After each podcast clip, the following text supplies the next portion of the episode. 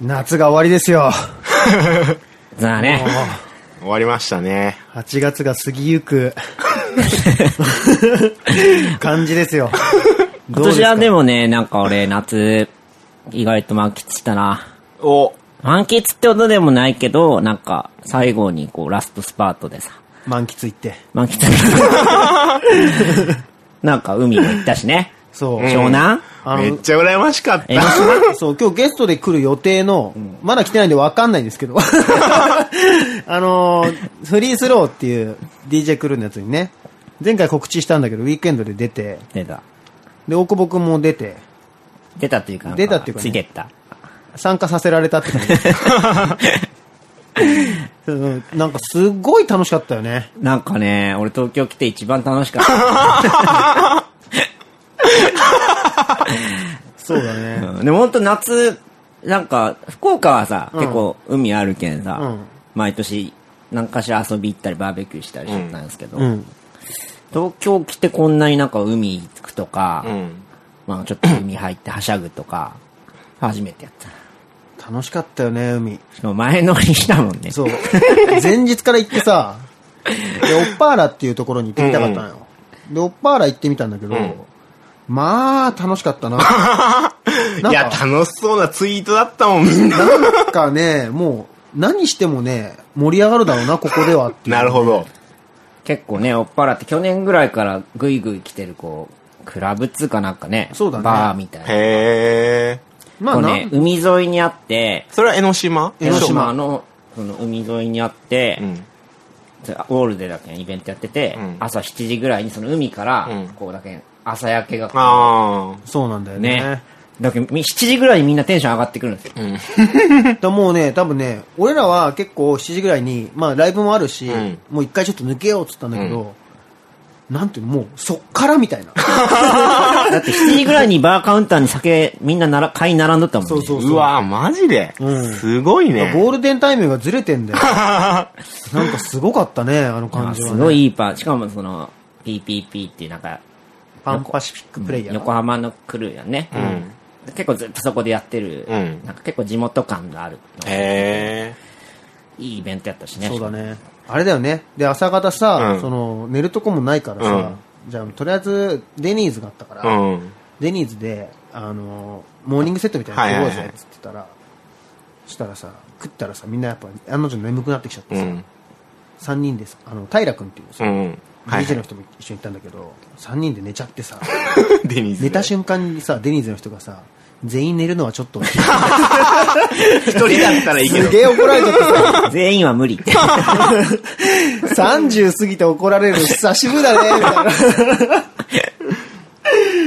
まあでもすごい楽しかったんですよ。まあ夏満喫。いいなぁ。なんか神田くんは僕は、その頃、その頃ね、ほんとぶっ倒れてて、うんもうね、なんか体調がずっと悪かったのね。で、江ノ島は僕も遊びに行きたいなと思ってたんだけそうど、だよね行けなくて、でも貧血がね、すごくて、うん。結構ね、なんか、たびたび1年に1回ぐらい貧血で倒れんのよ。うんうんうんで、この前は1年前に電車の中で倒れて、うん気づいたら液腸室だったんだけど、 で今回は焼肉店で、うんみんな焼肉食ってる時にいきなりぶっ倒れて、うんでもうあこれやばいと思って、うんでもう家帰ってもうちょっとおとなしくしたって感じでい原因は何だったのや何なんだろうねなん夏場だから一応病院行ったのよ、うんでひ血液採血しましょうって言われてなんか悪いかもしれないからってもう一切悪いとこないって言って薬もくれなくてあ、そうなんだ。薬もなんかお前にあげれる薬はねえみたいな本当に 本当にそんな感じで、くれなんかくださいって言ったら「いや何もないわ」って言われてなんか薬くれ。 なんか一応欲しいじゃん採血までしたら、本当今の君に出せるもの何もないみた いな あ、そう、でもね、俺もね、あの、昔ね、よくね、あの、倒れるうん人だったの。あそうなんだ俺も電車の中で一回倒れて、うんあと飲んでる時に一回倒れて あれさ、びっくりするよね。貧血あの貧血なんていうの時間が飛んだみたいな。そうそうそ。パッと切ると、で汗すっげえかいてないうそう汗かいて吐き気がしてあ、一緒だわ。俺全それく同じ症状だ。うんあれひどいよすごいんだよ。本貧血。でもさ、すげえ男ってダメだなと思ったのがさ、俺その電車の中で倒れたわけ。うん倒れた時にさ、うんもうさ、こことかすりむいちゃっててうんうんでちょっと血が出たりしてたんだけど、うんうそしたらすごい可愛い子が、大丈夫ですかって言って水を買ってきてくうれたの、んうんそんな大変な状況なのに、うんあ出会 いが。そのさ、 一瞬のあわよくば感みたいなのがさ、すごい出るわけ。 ああ、その時男ってダメだなと思って。あ夏の思い出一個あった。あのね、今ね、高円寺の僕、上島コーヒーっていうね、ああ、あるね。コーヒー屋があって、そこ結構毎朝モーニングに行ってんのね。で、そこの店員さんで、めっちゃ歌手床にいた、 可愛い店員さんが、このひと夏の僕の恋だったんだけど、うんその店員さんすごい可愛いなと思いながら毎回モーニング行ってて、毎回会うなみたいな感じで、僕は一方的に意識してた感じで、うんで、ある日、そのモーニング食べてたら、その店員さんが着替えて、私服になって、僕の隣に座ったわけ。うん。座ったのよ。え、それどういう席であの、カウンター的なカウンターじゃなくてテーブル席で、で僕は一人でパソコンガーってやってて、モーニング食べながらあ、横に座っ、よ、向かいっていうか横に座ったのに僕の、あーっとか思って、しかも私服着替えてるみたいな感じで、で、な、なんなんだろうってずっと気になってて、で、ま、ずっと、まあ、しばらく経ったら、その向かいに男が来 て、あ、待ち合わせね、みたいな。あもうそこで恋終了。 恋が終了して、夏も終わったみたいな。 あ、夏終わったなってこれで。でもいいじゃん、なんかさ恋があっただけさ。 そうだね。うん。それで歌手床にはまった。そうそうそう。 なんか、今更歌手床にはまりましたみたいなツイートがあったけどさ。そうなんだよ。そうそなんだれがね、リアルで恋したんだけど、まさか彼氏と待ち合わせとはねっていう。なんなんだろうな、あの、ちょっと街でさ、可愛い子がいた瞬間とかにさ、男って若干取り繕うじゃん。なんなんだろうね、あの、無ではいられないでしうょ。ん。それはまあね、何、なんもうさ変わればいいなとね。なんかさ、あの最近俺ね、ハンカチをね、うん持ち歩くようにしてるの、うんうん。それはやっぱキャラ的にちょっと粗雑なキャラだ から、そのギャップを表現したく、うんハンカチを持ち歩いてるの。うんうん。そうすると、ちょっと可愛い子とかが、うん。こうなんていうのそれこそコーヒー飲んでる時とか近くにいると、うん。ちょっと汗拭いてみた。俺は、俺はこんな粗雑な感じだけど、ちょっとハンカチとか使っちゃううん。上品なところのある人なんですよ。なるほどね。出しちゃってる自分がいて。でわもかさる、よ、でもそれ。でもさ、100%向こうなんてさ、俺に興味ないわけ。いやー、そんなことだって、もう全然だってさ、うん向こうとしては目も合わせないけど、もうこっちとしてはさ、もう、うわーって感じで見てるそうだね。 ほんとそうだね。うん。そう見てたもんね、ずっと。そうで、ハンカチとか出すのがね、うん最近俺のマイブームで。そ のために持ち歩いてるわけじゃないんだけ僕もその歌手カニが横に来た時はもう完全にノマドワーカーになってたから ね。かっこいい。バリバリ MacBook エロ Air サイトだ見てたのに。さっきの見てたサイト見て。決してね。ど、ちょっとつぶやいちゃったりしてね、そうそう買いかなみたいな。2億買いかなこうして金で釣ろうって感じの。じゃあ行ってみようか。感じで、じゃあ今月も行きましょう。アナ大久保と、ウィークエンド潜水のレディオレックス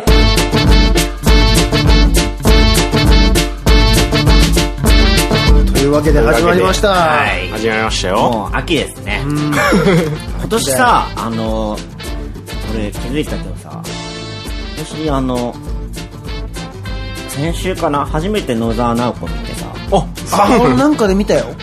なんかさ、野沢直子っつったら夏、そうななんのかもうな、俺夏の季語みたいにな ってるってさ、なんか今年出てこんなと思ってたら、多分9月の頭ぐらいに出て、あれなんか収録だともうちょっと早く帰ってきてなんかそんなに俺たち野沢直子のトピックスないけど。でも、そう毎え、毎年夏に帰ってきて日本テレビちょこっと出てまた戻ってくって感じなのあ、そうなんだ。あえそんなイメージないですかないないない。俺もうなあ野沢直子であー夏来たなってそうなんだ夏。の到来を告げるのが野沢直子なんだけど今年全然ないなと思ってて、たら先週やっと初めて見て、へえなんかずれてんなってそう。震災のせいかなごめん、なんか、今俺、野沢直子について何も出てこない。何にも出てこない俺もあれ 何何にもち出ょってとそこなれい多分世間的にはあるあるじゃない全然あるあるじゃないよ、それ。そうか神田くんなんかあのねそうな重の大なイベントやろうとしてたじゃんそうそうニコ生でね。そう、ニコ生で、その、まあちょっと軽く説明すると、キム・ジョンイル萌えっていうツイートをしたやつが韓国で、国家保安法っていうなんか、反逆罪みたいな法律で逮捕されたっていう。そうだね、最近もなんか逮捕された。そう、最近もだ、ね天皇萌えとか言って、同じようなじ、あそうだの、ねに日本のことそう、日本のこと褒褒めめててね逮捕されたっていうのがあって、まあなんかそういうのがあって、まあちょうど僕、その、セッティングしてたの30日に、その8月、パックンのそのニコ、来日ニコ生イベントを。でもそ、ちょうどその時にさ、あの、イミョンバクさんが、竹島上陸したりとか、あの、サッカーでさ、なんか、ドクトだみたいな掲げたのがあって、もう、結構ネット界隈では、もう、ネトウヨがもう、うじゃうじゃしてたわけ。うん、ネネットウヨってあんまりよくわかんないんだけど。ネット右翼だね。まあ、ネッそうトなののネッ、ト上での。右翼みたい右なまあ愛国みたいな人たちがいるんだけどでもその人たちがちょっと怖いなっていう話になって、うんまあ、も守れるか分かんないみたいな話になってちょっときょ今回はちょっと時期が悪いなって話になって、まあ、延期になっちゃったんだよねあ、そうなんだ。そうすいませ最ん近すごいもんね。すごいなんか ね。なんであんなにみんな喧嘩腰なんだろうなと思分う。かんないもうやっぱガス抜きなのかななんかでもさ、なんかさ、いや、さっきの野沢直子からの振り幅が すごい。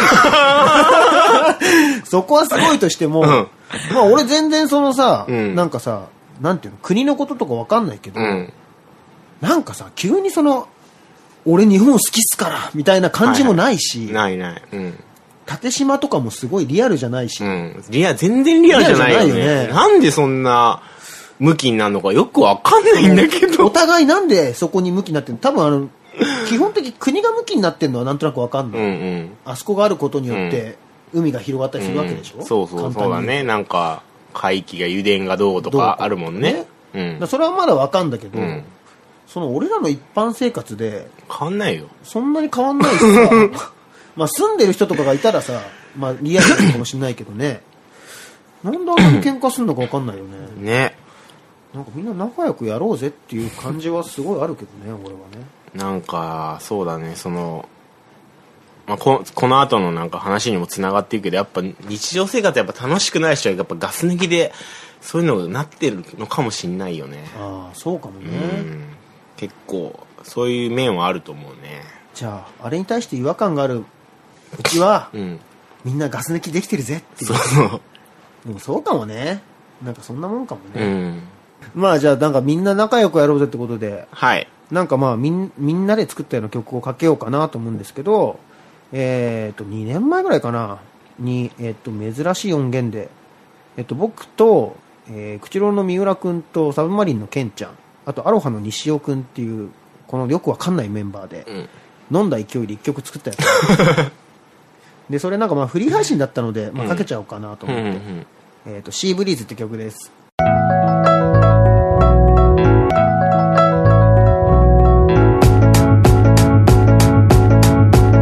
Oh baby この風が止む前に Oh baby 君を誘うよそうじゃなきゃ終われない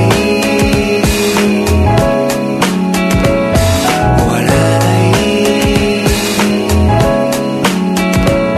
サマサマタイ乗っかりたいたまたまの出会い言っときたいきっとずっと本当もっとうまくできるはず Maybe それなのになぜ動けない話せないどうしようもないたまらないもどかしいいつもと同じ夏休み暑さにやられ強気になるこのままの勢いで君と色めき出す季節花を焦がす日差し風が頬を撫でるお前演じちゃう君と色めき出す季節花を焦がす日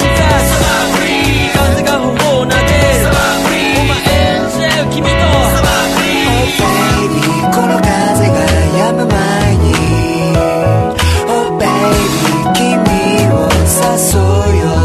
われない終わらない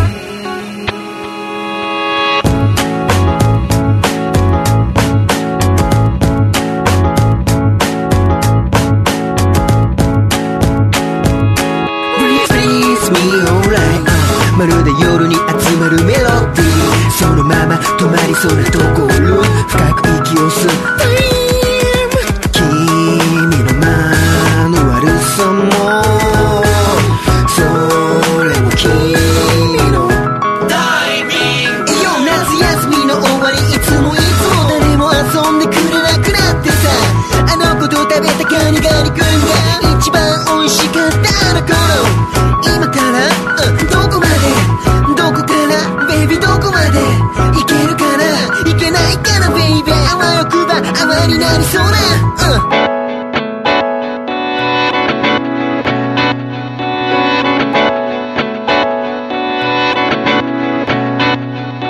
踊る君を見ている回る君を見ている暮らす片手に歩き出せばカラオケの中の主人公みたいだけどいいんじゃないですかねえ今夜は誰歩く車ってるのって僕なんですか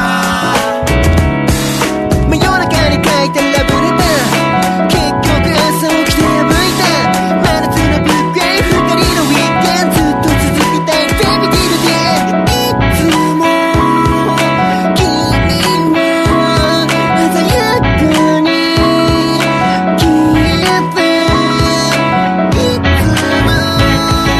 つも終わらないこの夜も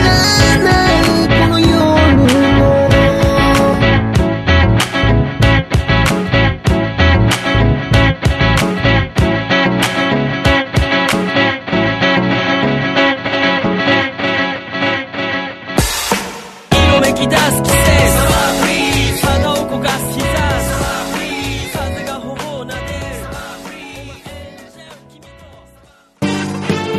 アナ、トークバタィーケンド先生の、レディオレックス。下半身大ガス助けてサクサクサクカリカリカリカリ全然ダメだ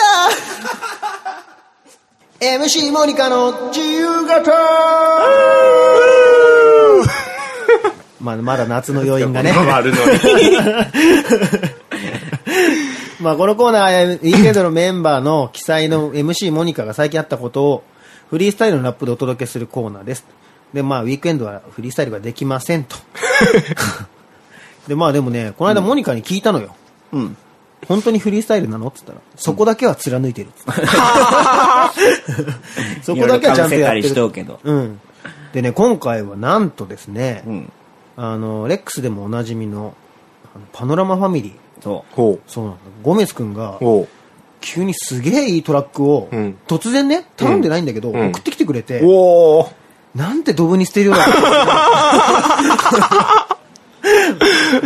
もう、もうさ、すごいなんか本当にね、メロでいいトラックなう。んだすげよねえ。。有田焼きにうんこ乗せるような。本当だよね。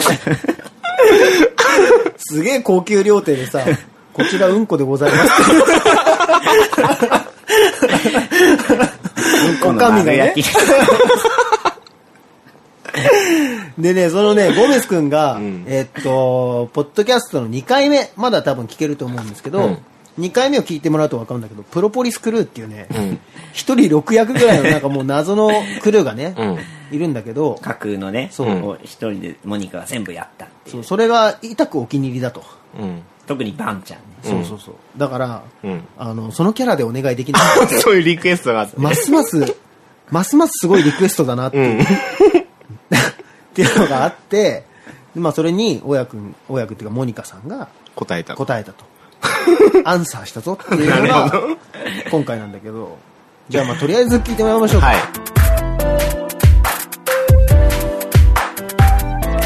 おうおうおう俺の登場ださあお前ら話を聞いて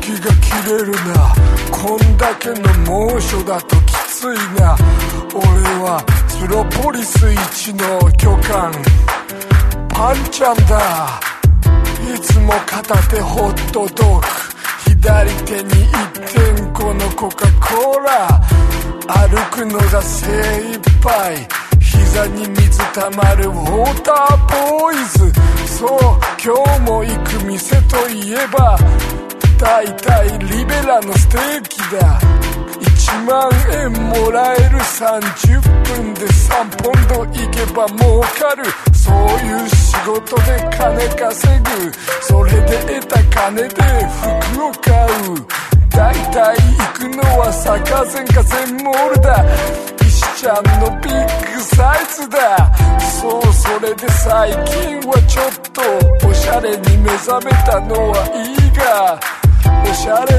て一体何なのかわからないぐらいつなぎばっかだいろんな色を手に入れるとそうつなぎもカラフルだ鳥鳥鳥が飛んだちょいちょいバード状態俺の体はビッグボーイそうたキツネよりも体を握りつぶす覚悟だでも実は巨漢だが握力はまるでないそう女の子にも告白できる自信がないそして今年もこの夏が終わる思い出といえばかき氷だそう来年には痩せなきゃこのクルーもクビだな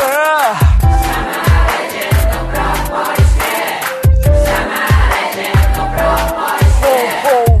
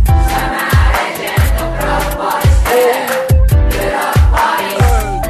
ほうほうほうやばいね。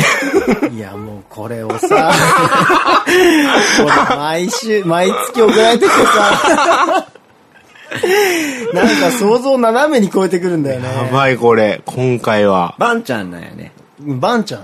あのね、モニカさんはやっぱり、あの、モニカさんじゃない、あの、ゴメス君は、うやっん。ぱバンちゃんっていうキャラクターか、うんタワーレコーダーっていう、いたね。 このデブキャラ二人衆、多分、多分デブキャラ、巨漢二人衆みたいなのが、うんやっぱ、いたこお気に入りで、なるほど。あの、その二人で頼む と。でもトラックいいでしょトラック超いい。 いい曲でしょ ごめんすくん。ほんと、いつでもこれ配信停止するから。 実際使うときは言って ね。来月もおすごいね願いしよう。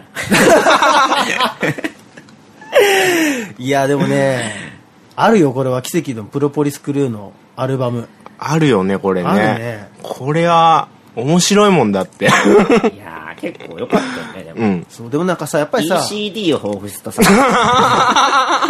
失礼だけどね。 ほんと各所から怒られるやつだけど。だけど、まあなんか、バンちゃんの場合でもその、あれだよね。こうラップし始めるとすごい切ない感じが出ちゃうよねうん。やっぱ心優しいデブみたいな のが最後の方なんか切なか、な泣きそうになったもんね。女の子に告白できるって言ってた時が自信がない。知らねえけど いやでなんかさやっぱバンちゃんはやっぱ出だしとかがいいね出だしとか最後のあのサマーレジェンドって言ってる人で、ほうほう、あー俺の話を聞けーって言ってるあの、なんか、あの感じがすごい好きだね、俺。今だってさ、リズムの取り方がさ、デブやけん半分にな ったよ。おいおいおいおいおい そうだね。これもしかしたらしばらくプロポリスクルーで行くのもありなのかもしれないね。俺は嫌いやけど、切り、切り味、鋭さ。あいつね、王国の一時期すごい嫌いさもんね。一人すげえ嫌いな奴がいるんだよ。あいつでも聞きたい。まあそんなわけで MC モニカの自由形でした。あだ、奥本。一回の選手のレディオレックス。だけど俺らには夢がある世田谷暮らし県や働くとは何か僕たちは本当に働きたいのか仕事って何なんだシリーズ「働かないで生きる」31歳のハローワークはい、始まりま した。新コーナー。えー今、この過渡期を迎える世の中で、働かずに暮らしている人をゲストにお迎えして、いろいろ聞いてみようと思ってい ます。すごいコーナーなんだ。すごい言われよう失礼、この上ない感じだけ ど、今回は、えっと、あの、フリースローという DJ クルーでいいのかなな。そうですね。はい、DJ クルーから DJ のジンくんをお迎えしてお送りしたいと思っております。ジンくんよろしくお願いしよろます。しくお願いします。ジンです。第何回目ですかこのこれはね4回目です4回目。そうですね、新コーナー、記念すべき第1回のゲスト。てあか、ら、ラジオ的に正式なゲストは初初初めてだだね。ありがとうございます。そうだね本当に。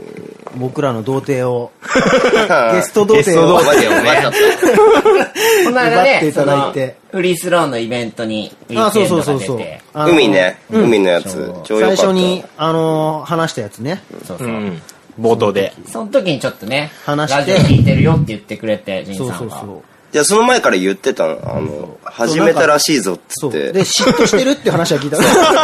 そすげえ言ってて、俺やりたかったのに、みたいな。そうだね先にやられちゃったな、っつって。ううん。それでゲストに決まって。見つけたと思った んですよ働いてないじゃあ、まあまあ、そうなんだけど。その場でね、その場でなんかみんなでちょこっと話して、で、こういうテーマどうかなって言ったら、あ、いいよいいよっていう、すごい軽いノリでね。でも、それあれじゃない平が最初に、もうそこ行ったらいいんじゃないのみたいな話じゃない。あ、そうそうそう、平君も、なんかその、あの、仁君ゲストどうすかみたいなはいはい話はしてくれてたから。だからなんか、あ、いいなら全然こちらとしては。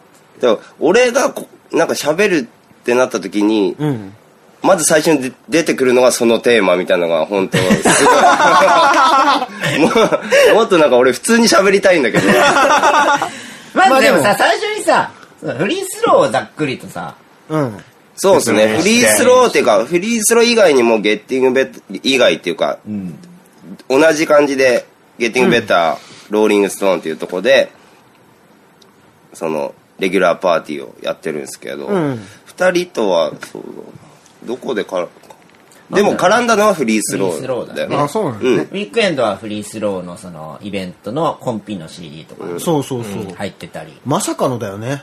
なんか。 そうなのまさかの、そう、うん、なんかね、すごい不思議な感じだった。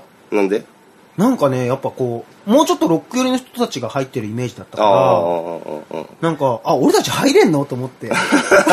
入れるのっすてげいうえか、ま、あ すげえ嬉しかったんだけどあ、ね。そうフリースローはだから、まあ、ロックパーティーとか、まあオールジャンルでうんやってるよ。うんうんうんでもここ数年ではね、ここまでこう大きくなってる、そういうパなーっティてないけどね。そうなってないからこのテーマなんじゃないの 言えた ね。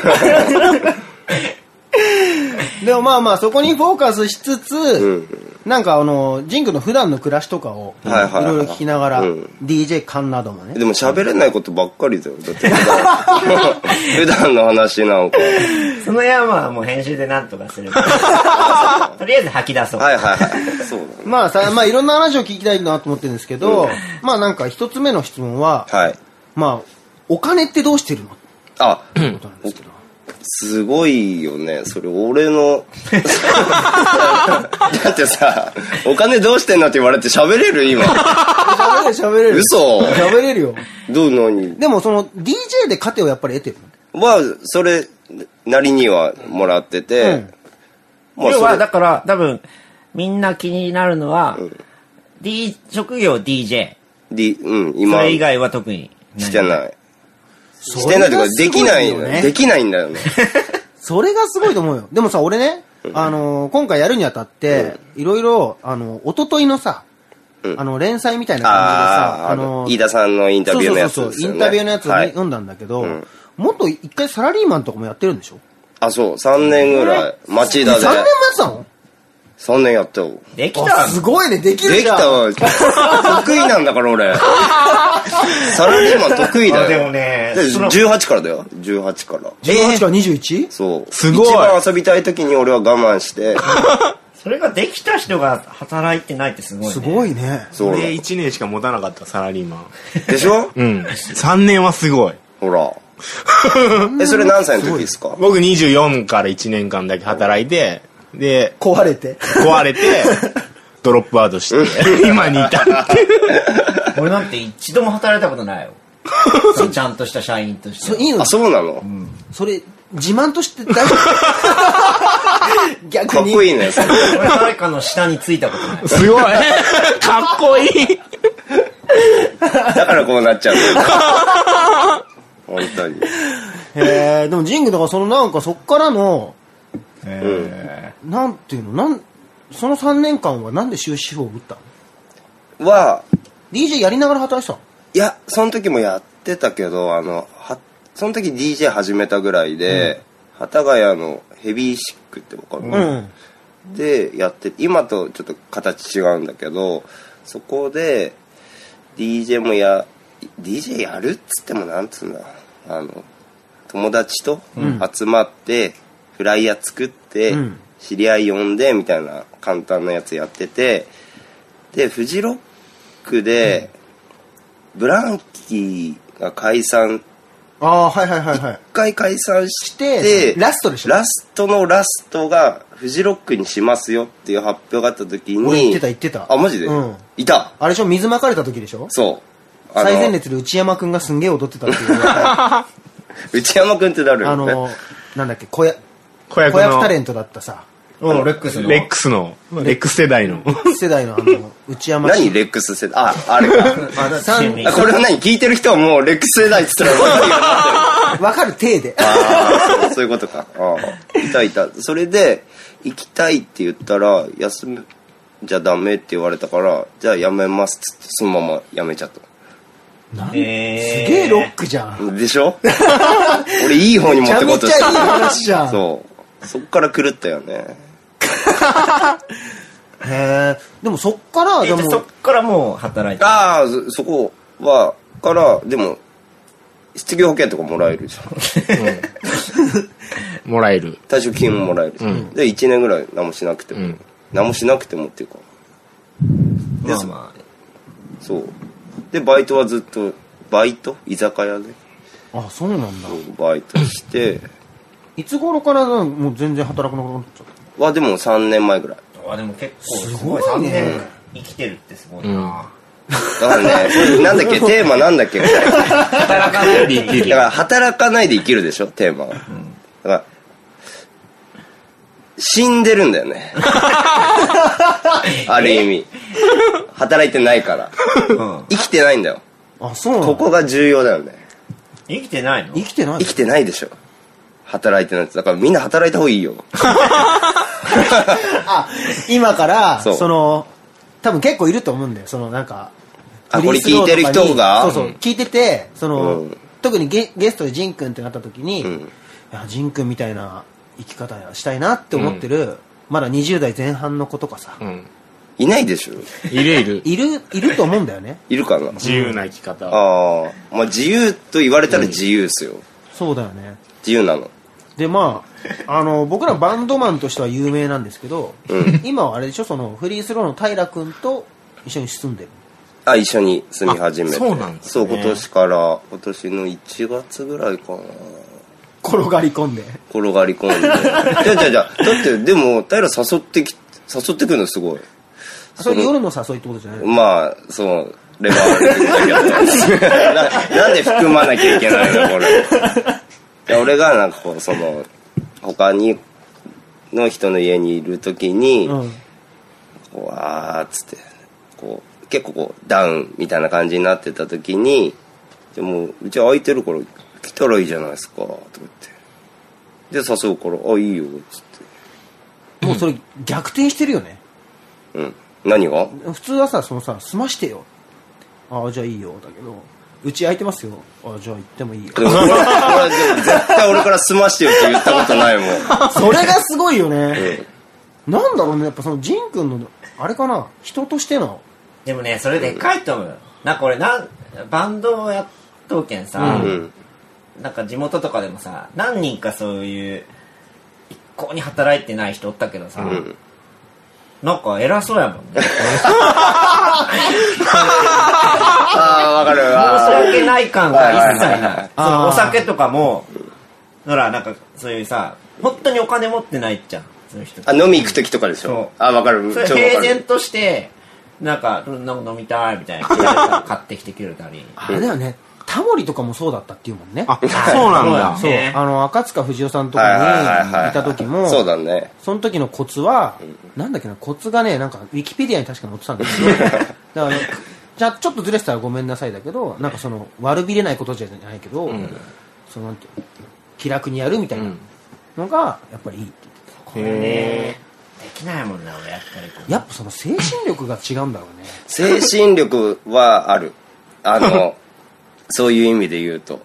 そうだよね。うんごめんねとかは思ってないわけじゃな くてみんなにごめんなさいねって思ってるんだけどそこの体力がすごいついてくるっていうだからそこをなんかそうなさんだ、おでも俺とかやったらさ、はあまたなんか人にお金あー申し訳ねえっつってこう、情けなくなってさ、どんどん閉じこもっていくとこがないってことだよ。だから思いは一緒なの思いちょっと思いは一緒で思いは一緒だけどそこのこうそこがすごい深いっていうかだからそそこには絶対この人には後で俺があドカンと返すんだっていう思いでそれをこうその活動に持ってくっていうやり方なんでなするほど、ね。なるほどね。そうでも思ってないとね生きていけないで すよ本当にで、まあなんかいろいろ質問も考えてたんだけど、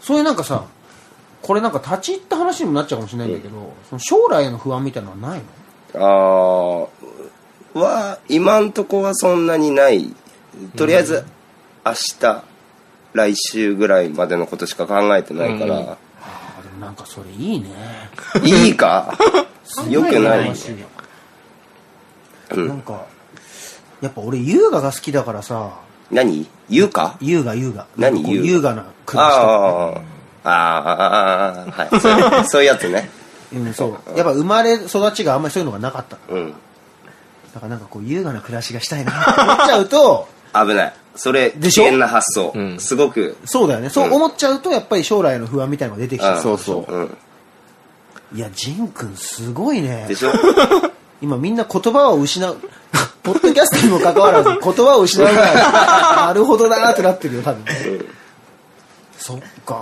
大久保君とか真逆だもんねある種そんなこともないかまあでも、この中で言うと俺一番ジーン君に近いけんね。そっかうんなんかあそうそうよ。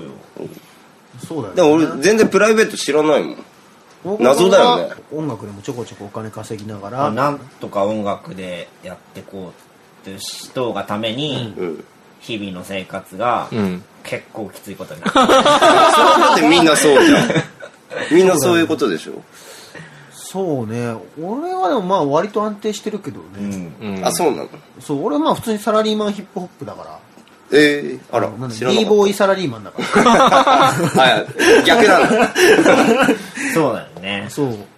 だからなんかまあまあ普通の生活なのよ。へー言ったら。俺は結構ササバイブしてるからね。サバイブ。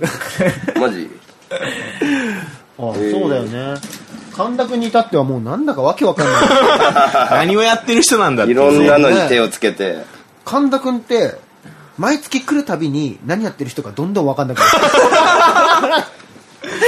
いやでもね、それはね、あの、働かないで生きるコツっていうかね、もう職業いろ、職業っていうか、そのいろんな生活の過程を持っとくっていう、どれか切られても、こっちが残ってるみたいな、なるほどね。そういうなんかリスリスクヘッジ、うんそういうのは結構重要らしいよ。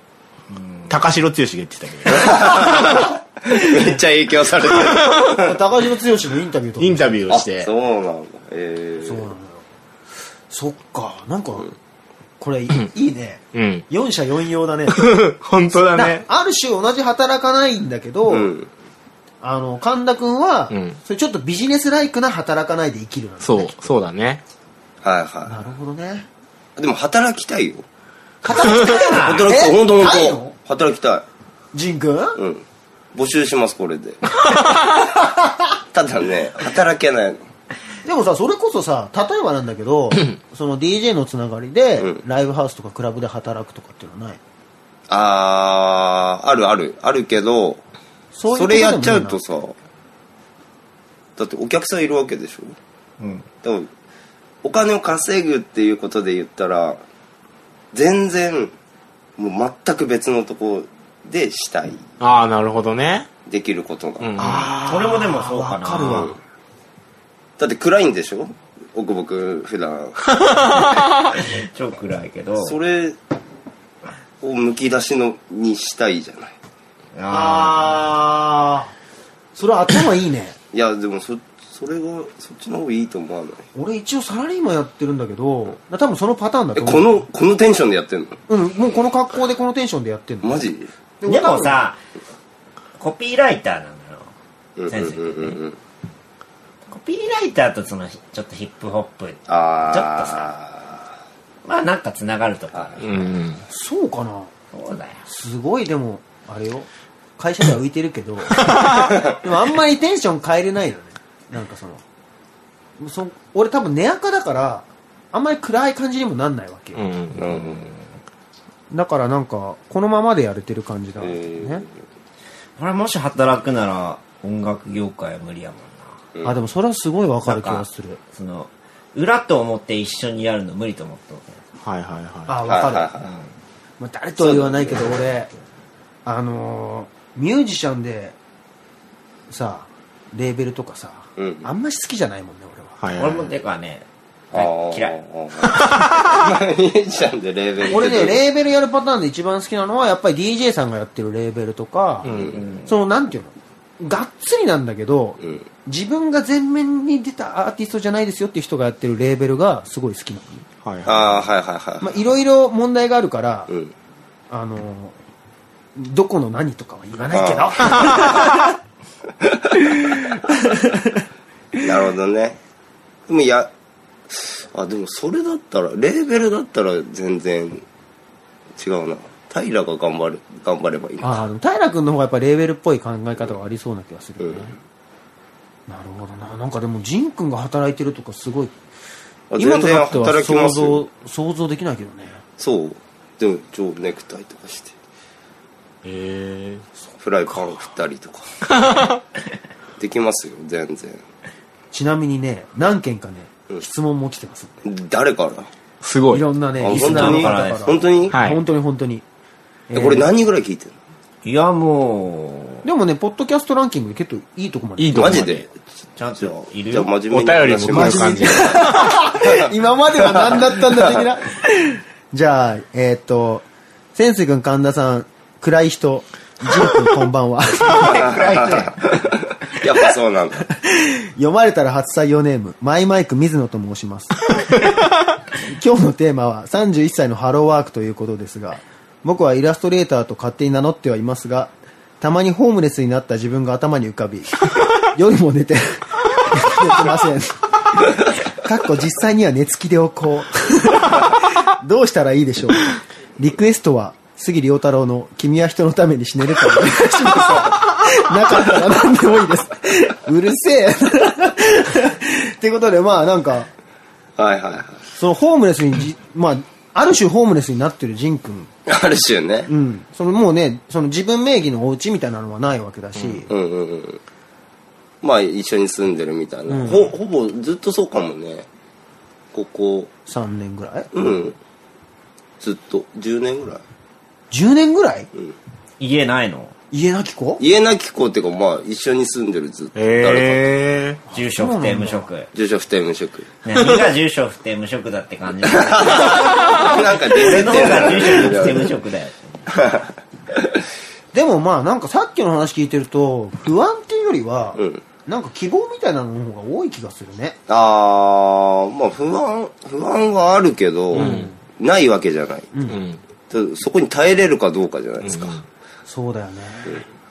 うんだからもうなんか俺もやっぱりその状況になったらさ、電気グループの NO みたいな さ、もう学校ないし、家庭もねえし、暇だけはあるけ どカーテンもないしみたいなっていう気持ちになっちゃうけど、でもなんかそういうことよりはやっぱりなんか、よし、いつか返すぞみたいな気持ちに慣れてるっていうのがやっぱりすごい、そうでもしないとやってらんないでしょだから勘違いしていかないとそうねよあ、すごい。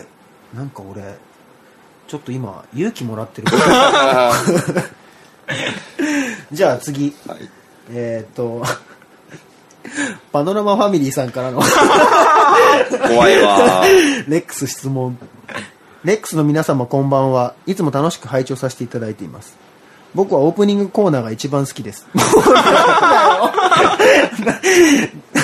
雑談してくれって 前回のオリンピックに全く興味がないという話はとても共感しました。ゲストのジンさんに質問です。 ジンこれもう、ハローワーク全然関係ないやつ来ちゃった。ジンって本名です かこれね俺ほんとすげえ言われるんです よだとしたらやっぱり子供の時はいろいろいじられましたかああこはいれかはいはいらもレディオレッはいクス楽しみにしております。ゴメス、かっこパノラマファミリー。身内やね身内ジン君、本名本名本名なんだよ本ね名なんですよ仁弘文神ででお客さんとかにもまあ、うん、関係者の人にはあんま言われないけど、んあのー、とかってなんかなあのー、つって本当申し訳なさそうな感じで 来て「ん仁って本名ですか?」とかすごい言われますあ、そうなんだ。でもさこれ本名じゃなくて DJ ネームだったら超やばいやつやだばいよ ね、やばいよね。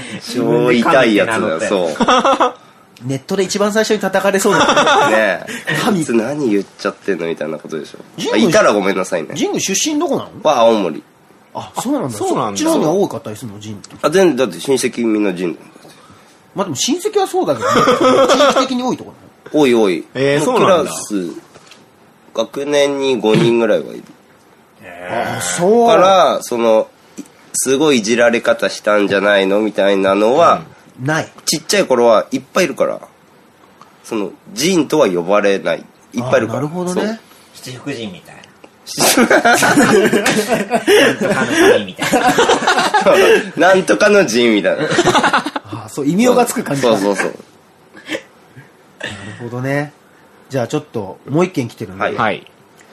こんばんは、マキオンというものです。レディオレックス毎回楽しく聞いています。ありがとうございます。ざまありがとうございます。ますえっと、私は今年いっぱいで会社を辞めるのですが、うん働いてない自分が想像できません。うんこの前もダラダラ過ごすのが大好きな友人に、ダラダラできないなんて現代病だと非難されました。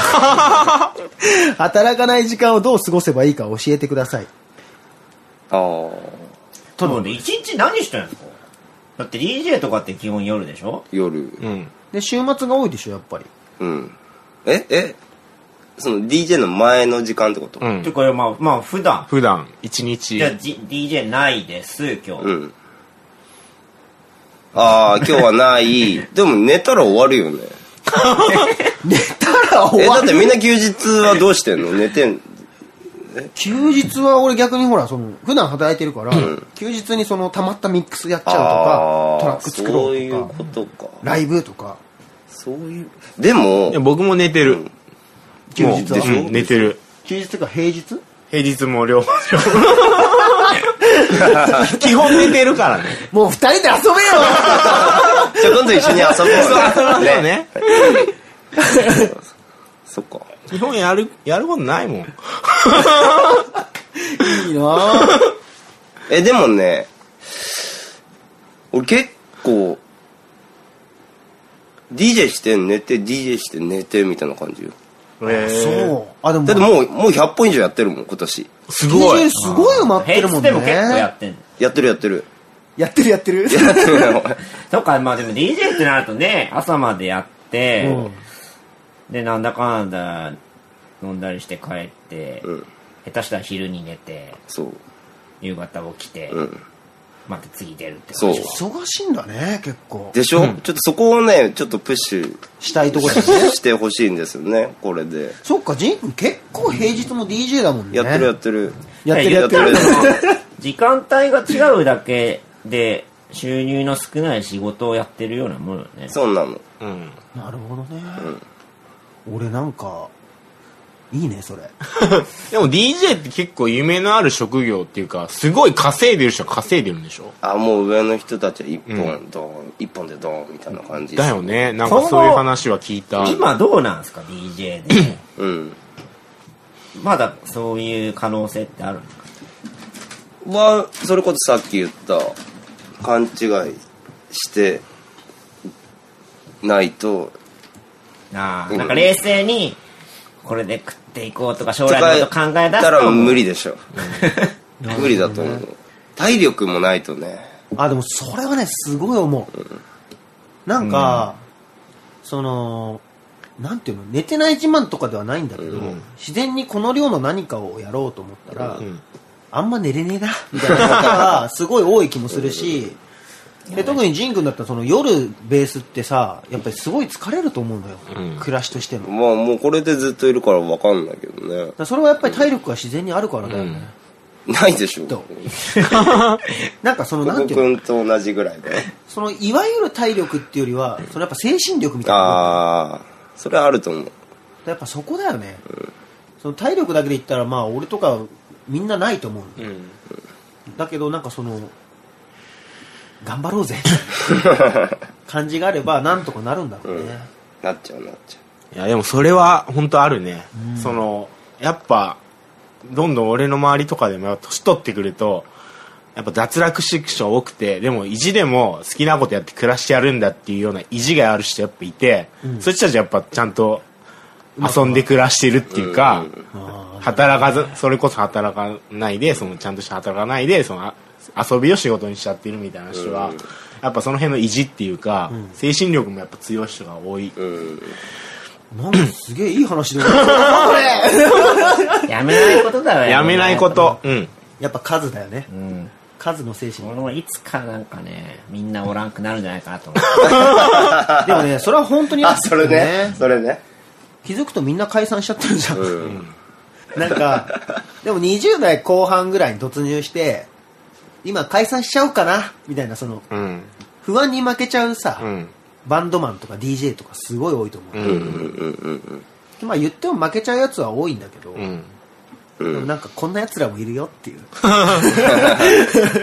ね。ていうことになったらいいしなぶと思とういよね。ね好きなことやり続けるのも楽じゃないんだぞっていうね。 うんだよねなんかいいよねみたいなことそう言われるそう。言われるけどね。そうなんだよねやっぱね俺ガチモテしたいんだよガチでモテたいんだよ本当かっこいい大人になりたいんだよね、まあじゃあそんなわけで、はい。ジンくんがゲストに来て来てくれたわけですけど、はいなんか今後の告知とかないんですかそうですねち、土曜日に新宿でエロフェス。ああこれアナも出ますんではい。おエロ何ゲス時トあのねうちは夜中でうんセカンドロイヤルナイトあ、そっかそっか。じゃあ被ってんだ。セカロイがモーションモーションでで、マーズで、なんかドリアンとかやるんだよね。確か。あのそうなんだヨネとか、あの、ナイルロングとか。で、もう、マーブル、マーブルでフリースロー深夜、ん15日やりますんで、よかったら遊び来てください。結構あるな。でもそいよのい2い日よ後、17日、これ何の日祝日。9月。敬老の日だって。敬老の日に、えっ、と、お台場でウィリーっていう野外パーティーやりますんで。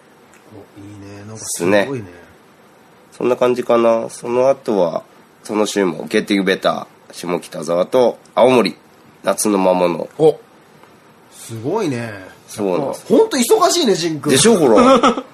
一般だから言っ たら。ずっと言っちゃうよ、俺、スケジュール。いいよいいよ全然9月分ぐらい言ってくださいで、その深夜も、吉祥寺で、吉祥寺シータであるんで。だから俺、下北で、オールナイトやって、朝青森行って、で、青森からすぐまた飛んで、その日、吉祥寺シータだから。ほら。忙しいね。こんだけ売れっ子の DJ がこういう状況なんだからそうだ よ、本当そういうこと。今ね売れっ子で俺ら売れてないけ ど。いや、でも、この本数やってたらね。今はね若いのでね DJ 目指してる子は直ちにやめた方がいいと思早くやめ ろ今のうちだぞう、ね、根を積んでねそう、先にね。本当はめっちゃ儲かってたりして。めっちゃ俺らめ儲かってるみたいな。そんなことないですけどね。やっぱ、すごいね。でも面白いからね、うん人生的にはねそうだねうんそれはあると思う。覚悟がある人はね、やったらいいうん。まあなんかこの中で多分俺だけ全く覚悟がなく言ってる から。多分ね。無です。でもまあなんか、ジン君、あのーはいぜひまた遊びに来てほしいな。ぜひぜ ひぜひなんか、あれですよ。その、ジン君の DJ を今の告知聞いていくぞっていうね。うん。つわものたちは、ぜひ会場で、あの、ありがポとうッドキャスト聞きましたとか、ジン君に言ってくれたら、ジン君に一杯お酒をおごってあげてください。逆なんだ。やった、ラッキー。フリースローとかにねとりあえず来てくれれば、うんうんうちらもぜひいるかもしれあないの、うん僕らもちょこちょこ遊びには行ってるんで、はうい。んなのでぜひぜひみんなで飲みましょう。というわけで、ゲストのジンくんでした。ありがとうございました。ジンでした。アナ・ホックマンレディオレッツお前このバッグの中に人詰め込んどんのかさてお送りしました「レディオレックス」4回目 !4 回目。 4回目今回初のゲストを迎えてはいなんか盛り上がったねはいいいね。いいねゲなんストいいかね。はがきもはがきっていうかメールもそうだね。なんか着々着実に増えてきてて、うん。であの今回あのまだちょっと先月分の人にも送れてないですけどもちょっと理由がありましてね。ちゃんとあのノベルティを用意しまうして、ん。あの、結構豪華ノベルティを用意してて、あの、音源、4曲入りぐらいの音源と、あとは、神楽君の、僕まがねだ内容決まってないんだよね。内容はまあ若干まあ決まってはないんだけど一応僕はあの昔週刊誌の記者をやっておりまして、まあそれのまあ芸能マル秘ファイル詰め合わせこれ ね、でも俺が欲しい俺も欲しいのもうね、たまに聞くね、芸能ファイルの濃 さ濃さったらないからね。黒とじからも漏れたよねそうだね。 なので、あの、ちょっと大発放想出、ね発想は遅れてるんですけど、まあ多分この放送ぐらいで遅れるようにはしたいあなと思のう先の月で。採用された方にもはい。これ音源の方もねかなりレアなそうですね。ウィークエンドっていうか千鶴君は新曲うんとね、新曲。んあのー一応このラジオをテーマにした新曲を入れようかなと思ってるので。アナもちょっとあのある理由でボツになった曲とか、そういうのを入れてるんでぜひぜひとあとはステッカー。で、ステッカーも今のところレックスステッカーの方が余ってるので、そちらの方を、うんあの、とりあえずはお付けしようと思ってるのと、まあなんか、もうちょっと軌道に乗ったらね、うんオリジナルのステそうだねッカーも作ろうっていう話になってるので、皆様、どしどし送ってくださいく。ださいちょメールアドレスをえーっと、mannerhythm アットマーク、ホットメールドットコムです。えーっと、マンネリズムそうですね、マンネリズム。えっ、と、ドットコムです。ということで、えそうだねー、9月は何かありますかウィークエンドは9月はないね。特にない ないね。10月はね、2、3本ライブが入ってるんだけど、またそれは来月告知します。今ね制作いろいろありよるよねうん。絶賛制作中なのと、まあちょっと今、あの、アナログを出そうという話があるのおおで、それがね、すごいいろいろ頑張ってるんですけど、海外プレスっていうのはね、ほんとメールが来ないね。そうなん全だ然ね、来なくてひどい、困ってるんですよ。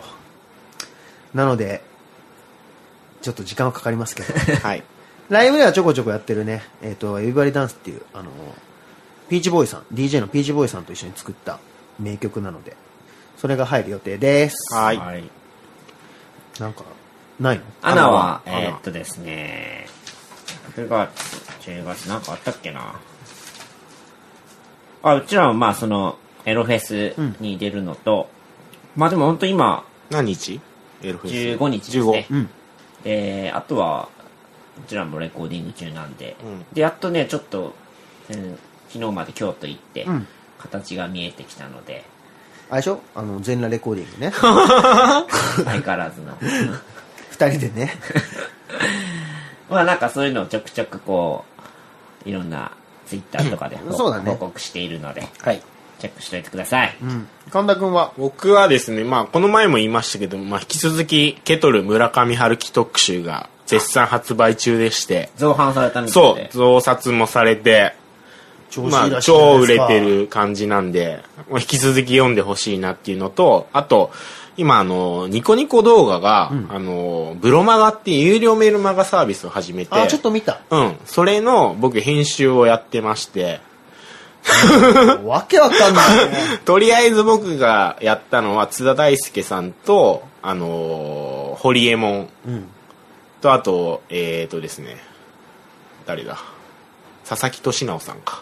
なんかそういう、ち IT 系の人のまあ編集作業をやらせてもらってるっていう感じすで、ごいね。ワイドショーを逃げ落ちてる 人もう、堀江門さんもやらせてもらいまして、まあそういうサービスもやってるんでちょこっと覗いてもらえればなっていうところですね。あ、あとまあ、あの、次の収録前に多分10月頭にまた台湾に取材に行って、出た台湾。 あのね、初音ミクのライブ取材という出ことでた。。俺ね、神田くんに一個だけ言っときたいのは、頼むから捕まったりはしないから。 もうなんかね、なんか LINE を見てるとね、もう捕まる人たちの LINE な感じがしちゃってね。 まあいろいろやってますんで、僕もよろしくお願いしますとうことではい引き続き。次回はどうしようね。うん。今回から始まったね、うあのー、31歳のハローワーク。あの、いろんな、まあ、今回はその DJ っていう職業の、そうだねを迎えて、まあ、働かないで生きるっていうテーマでやったけども、なんか、コーナーとしては、あの、いろんな職業の人に、うん。それって食えんのみたいな、いろんなそうだね。なんか例えば、イラストレーターとかさ、うんまあ、神田君のライターもそうやしさ、イラストレーターっつったらあいつが来ちゃうから、ちょっなんかそういう、いろんな職業をね、と。うん。なんかフューチャーしていきたいと思ってるんで、そうだね。なのでなんか身の回りで、あの、出たいっていう人がいたりしたら、ぜひ、ぜひ。うん、あの、連絡ください。はい。はい。ということで、9月分のレディオレックスでした。お疲れレックス